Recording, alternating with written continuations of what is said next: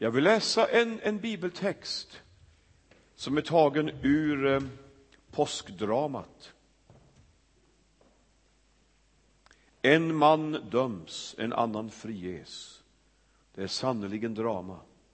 Och jag känner så tydligt att jag vill läsa den här texten. Så lyder Guds ord. Vid högtiden brukade ståthållaren frie en fånge efter folkets önskan.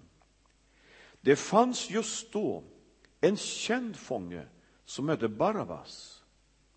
När folket nu var samlat frågade Pilatus Vem vill ni att jag ska frige? Barabbas eller den Jesus som kallas Messias? Han visste att det var av avund mot Jesus som han hade utlämnat honom. Medan han satt på domartribunen fick han detta bud från sin hustru. Du ska inte ha med den där rättfärdige mannen att göra. Jag har haft mardrömmar i natt för hans skull. Men översteprästerna och de äldste övertalade folket att begära Barabbas fri och få Jesus dödad. Ståthållaren sa nu till dem, vilken av de båda vill ni att jag ska frige? De ropade, Barabbas. Pilatus frågade, vad skall jag då göra med den Jesus som kallas Messias? Alla ropade, han skall korsfästas. Han frågade, vad har han gjort för ont? Men de ropade ännu högre. Han ska korsfästas.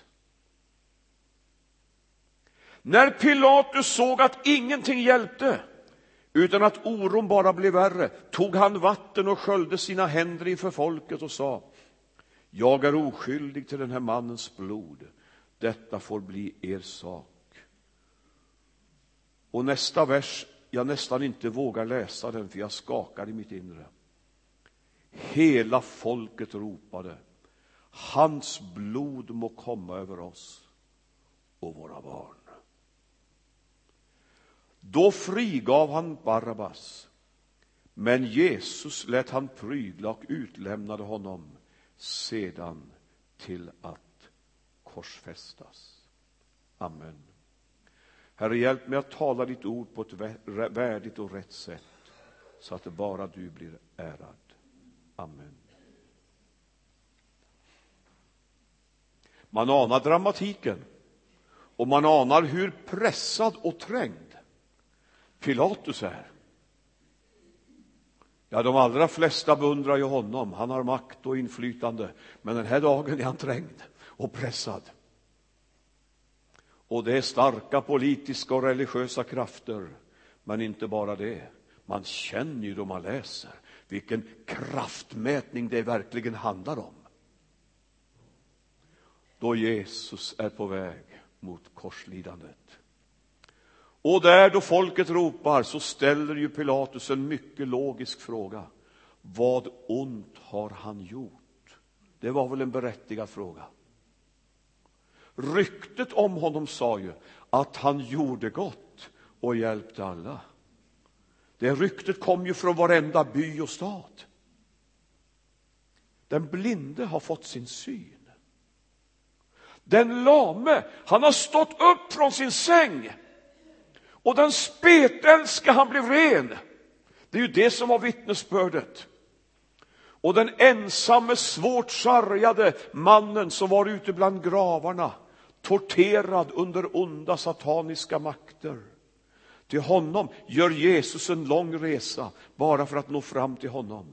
En stormig seglats en natt för att nå fram dit, till honom som alla andra försökte undvika. Och ett ord från hans läppar och den bundne är befriad. Åh, vilken, vilken vandring där han går vägen fram. Vad ont har han gjort? Men det var inte läge för, för ett logiskt resonemang. Stämningen är uppiskad och folket ropar som de vore vansinniga. Och man hör det ju genom seklernas kamp ända in i vår tid. De ropar, han ska korsfästas, han ska korsfästas. Och så har vi det här skådespelet då, då den här mänskliga makthavaren står och tvättar sina händer. Det finns en gammal legend som säger att han tvättar fortfarande, men blodsfläckarna går inte bort. Vad hjälper det med skådespel då man har sålt sin själ, för det var det han gjorde. Inom sig själv visste han att det här är inte rättfärdigt. Och så vidare. Nåväl, vi ska inte fördjupa oss i det. Det var den dagen han ställer den världsberömda frågan. Vad skall jag då göra med denne Jesus som kallas Messias?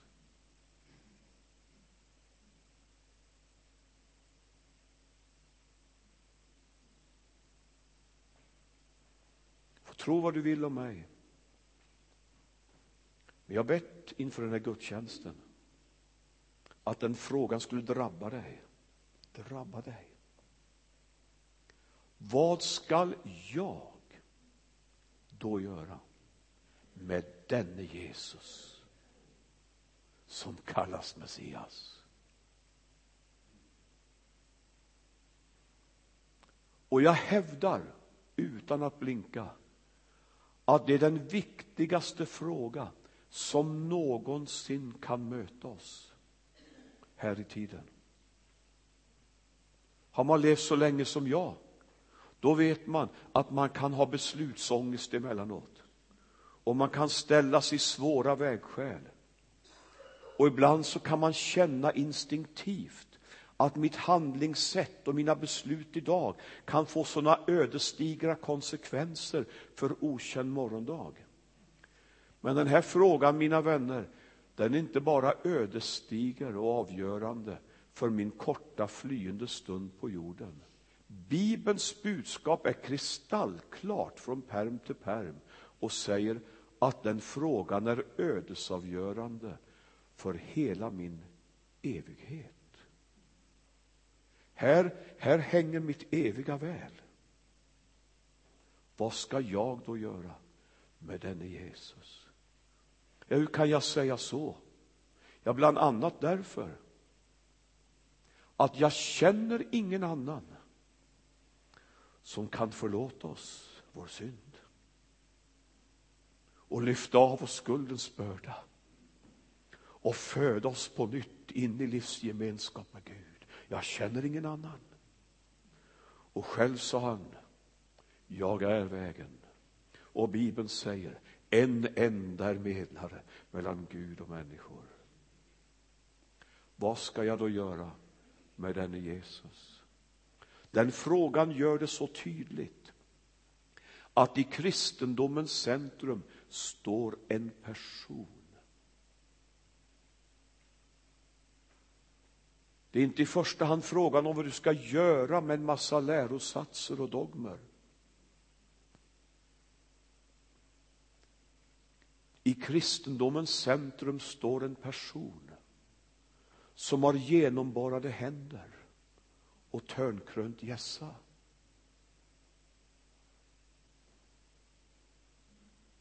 Kristen tro handlar om Jesus. I kristendomens centrum står ett kors rest och det är där han hänger blödande mellan himmel och jord som ett försoningsoffer för en hel världs synd och skuld. Jag kan aldrig fatta det, men jag har valt att tro det. Och på den vägen har jag djupare och djupare genom åren fått erfara kraften och verkligheten i det budskapet. Hans död har blivit min död, hans seger mitt nya liv. Vad ska jag göra med denne Jesus? Ni kanske tycker det låter underligt. Men jag känner att den frågan vill jag ge till kristenheten i Norden idag. Och jag vänder mig till dig som en kristen bekännare.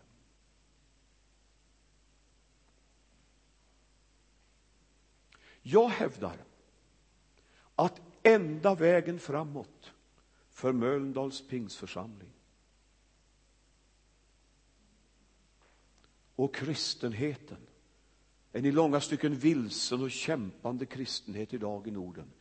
Enda vägen framåt det är att vi i en förnyad, fördjupad överlåtelse hittar tillbaka till innerligheten, enkelheten, närheten, tydligheten i vår bekännelse till Jesus. Jag ber att vi ska börja få ha gudstjänster i våra kyrkor där sången och bönen liksom är med och skalar bort allt utan verk. Och plötsligt är det som den innersta hjärtenerven ligger i öppen dager. Att vara en kristen, det är att älska Jesus Kristus och bekänna sig till honom.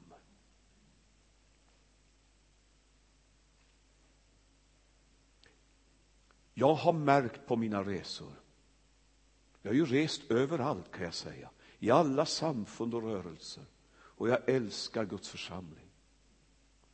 Men jag märker ju vilken, vilken kampsituation det är i vår tid. Och jag har märkt att så fort liksom ljumheten och lojheten på något sätt slår klorna i en kristen gemenskap, då, då tonas Jesus namnet ner av sig självt. Det är som att det nästan tar emot till och med i bönerna att uttala Jesu namn. Och så blir det andlighet och Gud i lite mer allmänna former och så här. Och de där riktigt innerliga Jesus-sångerna känns inte riktigt bekväma längre. Och jag bara ropar. Enda vägen, kära församling, det är att hitta tillbaka till Jesus. Och det jag märker idag vilka krafter som är i verksamhet.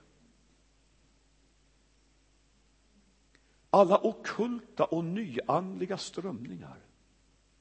Meditationssystem av alla de slag. Och det tränger på och det vill infiltrera i den kristna gemenskapen. Och om inte vi har den här tydligheten till Jesus och Jesu namn lyfts upp som aldrig förut i våra gudstjänster, då känns det som församlingen ligger så naken och oskyddad och sårbar för alla sådana här strömningar som bara tränger på från alla håll.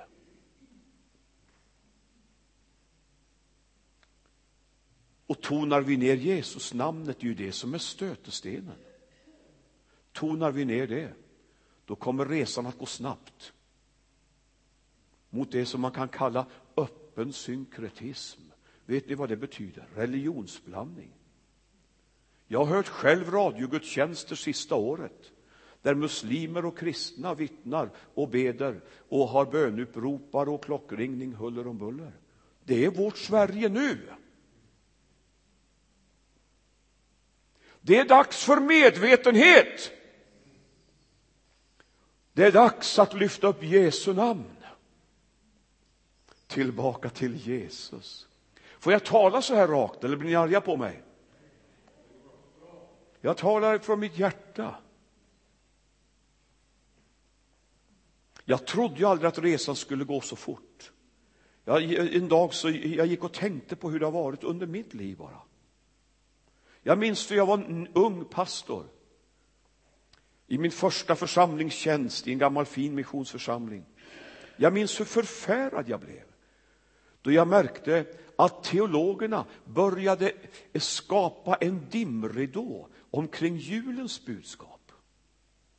Det var liksom den första aha-upplevelsen för mig. Jag började förstå att, att attackerna mer och mer medvetet är inriktade mot grundfundamentet.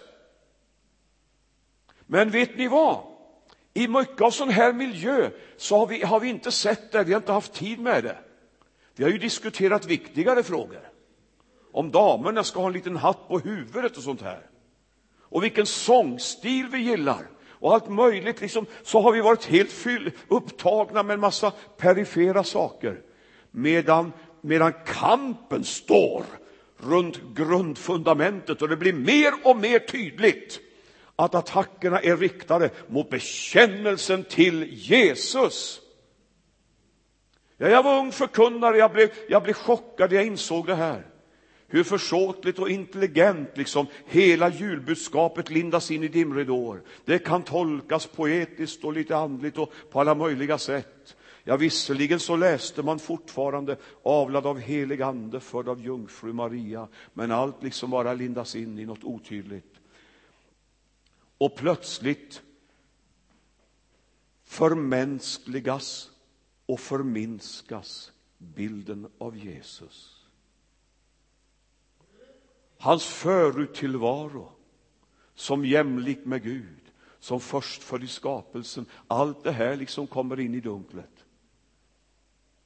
Och när jag tänker på det nu så förstår jag ju vilken dolkstöt det var i hjärtat på kristen tro. Och det var dörröppnaren. Sen stod dörren vidöppen för alla dessa liberala strömningar. För det är klart att eh, är han bara människa då kan vi börja behandla hans ord utifrån det. Ja, det är klart, han var en människa av sin tid och så vidare. Det är, det är, en utveckling där det känns som det bara naggas i kanten. Det hugger emot Jesus namnet från alla håll. Sen gick det 10-15 år. Då var attackerna framme vid påskmorgonen och den öppna graven. Våldsamma diskussioner. Och jag hörde själv en, en väldigt lärd och märkvärdig pastor som stod på själva påskmorgonen i sin fina talarstol och sa för mig är det ingen central fråga huruvida Jesus uppstod fysiskt eller ej. Vilsenheten, hörni. Det är oerhört vilken förvirring. För mig har det ingen betydelse. Bibeln säger ni kanske har fina titlar och ni är duktiga människor. Men vet ni vad Bibeln säger? Om Jesus inte uppstod, då är du och du och du och du, ni är de mest ömkansvärda av alla människor. Varför då? Ni är fortfarande kvar i era synder. Det finns ingen frälsning, det finns inget hopp, det finns ingen himmel, det finns ingenting. Sen har det gått några årtionden till. Och de sista två åren så har jag nästan kippat efter andan. Jag märker hur den teologiska debatten är framme och rör vid det som är det allra heligaste i allt det jag bekänner mig till. Jesu försonargärning på korset. Men det är klart, moderna humanister behöver ingen försonare. Man vill inte höra talas om synd. Gärna mäktiga andliga upplevelser och, och häftiga manifestationer, men inte syndabekännelse. Korset passar inte in. Det profeterade Frälsningsarméns grundare William Booth om då han stod precis i porten till 1900-talet. Då talar han profetiskt om de faror som hotade kristenheten. Och bland annat talar han om kristendom utan kors. De har ett sken av Guds fruktan men vill inte veta av dess kraft. Vad är, vad är evangeliets kraft enligt Bibeln? Det är korset.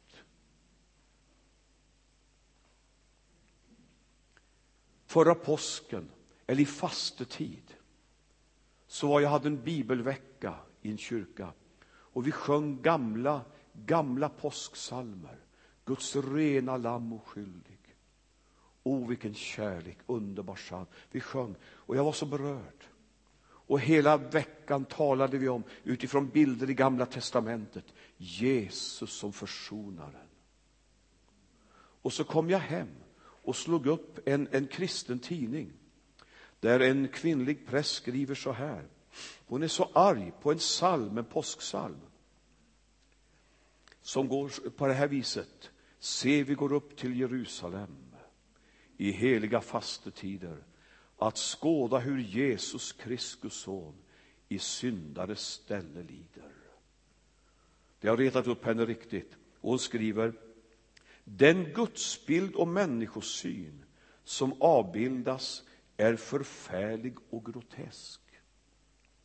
Det finns ingen fallen skapelse och därför blir hela försoningsläran orimlig. Plocka bort allt tal om synd, skuld, skam, blod, slaktade lamm och annat förfärligt. Det hör inte hemma i en modern tid. Och hon fortsätter. Tanken att Jesus dog på korset för våra synders skull är motbjudande och bortom allt sunt förnuft. Det är Sverige nu. Det är Sverige nu. Vad skall jag då göra med denne Jesus som kallas Messias? Ge honom ett förnyat trohetslöfte.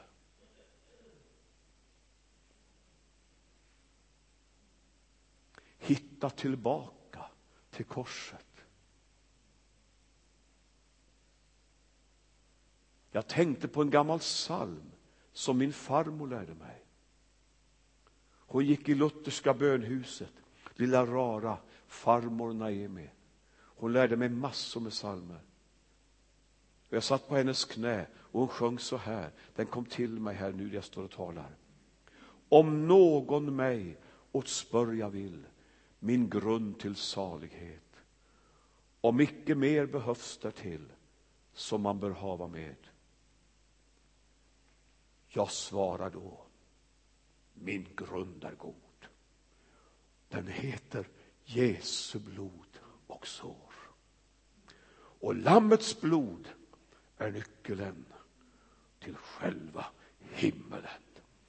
Det är lite gammaldags kanske, men det är märgstarkt. Man känner att det är någonting att hålla fast vid då det blåser.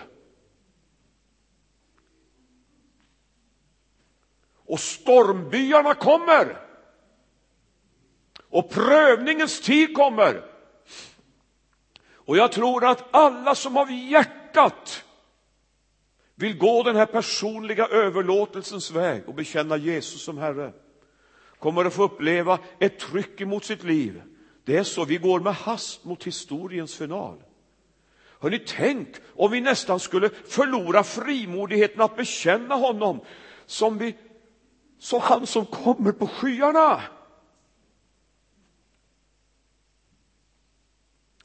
Det kommer stormfyllda tider. Så om du till exempel bygger din kristendom bara på att det är så gott kaffe i kyrkan och trevlig gemenskap och häftiga upplevelser, det där kommer inte att hålla. Se till att du har djup i din Kristusupplevelse. Judas han skriver enligt levande bibeln, nu måste vi starkare än någonsin bygga på grunden som är vår heliga tro. Han tittar framåt och, och förstår, det kommer kampfyllda tider och han ropar till församlingen, nu måste vi, nu måste vi hitta grundfundamentet. Grunden är Jesus, hans ord hans försonargärning på korset. För mig åter till Golgata kors. Väx inte så snabbt i Guds rike. Bli inte så intellektuellt högmodig. Eller uppblåst av märkvärdiga andliga upplevelser. Så du inte längre behöver det enkla budskapet om Jesu blod och sår. Tillbaka, tillbaka. Jag har kommit hit. Jag har kommit hit för att ställa dig inför Jesus. Frågan gäller en person. Frågan måste besvaras personligt. Vad skall jag då göra? med denne Jesus som kallas Messias.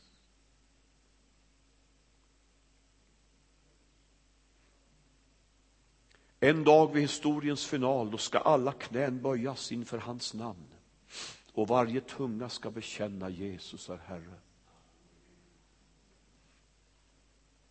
Men jag vill redan ikväll göra det. Jag vill böja mina knän inför Jesu namn och inför hans kors och ropa ut från mitt hjärta Jesus är Herre. Halleluja. Kom Magnus och Therese, ta oss med in i sång då vi går in i avslutningen.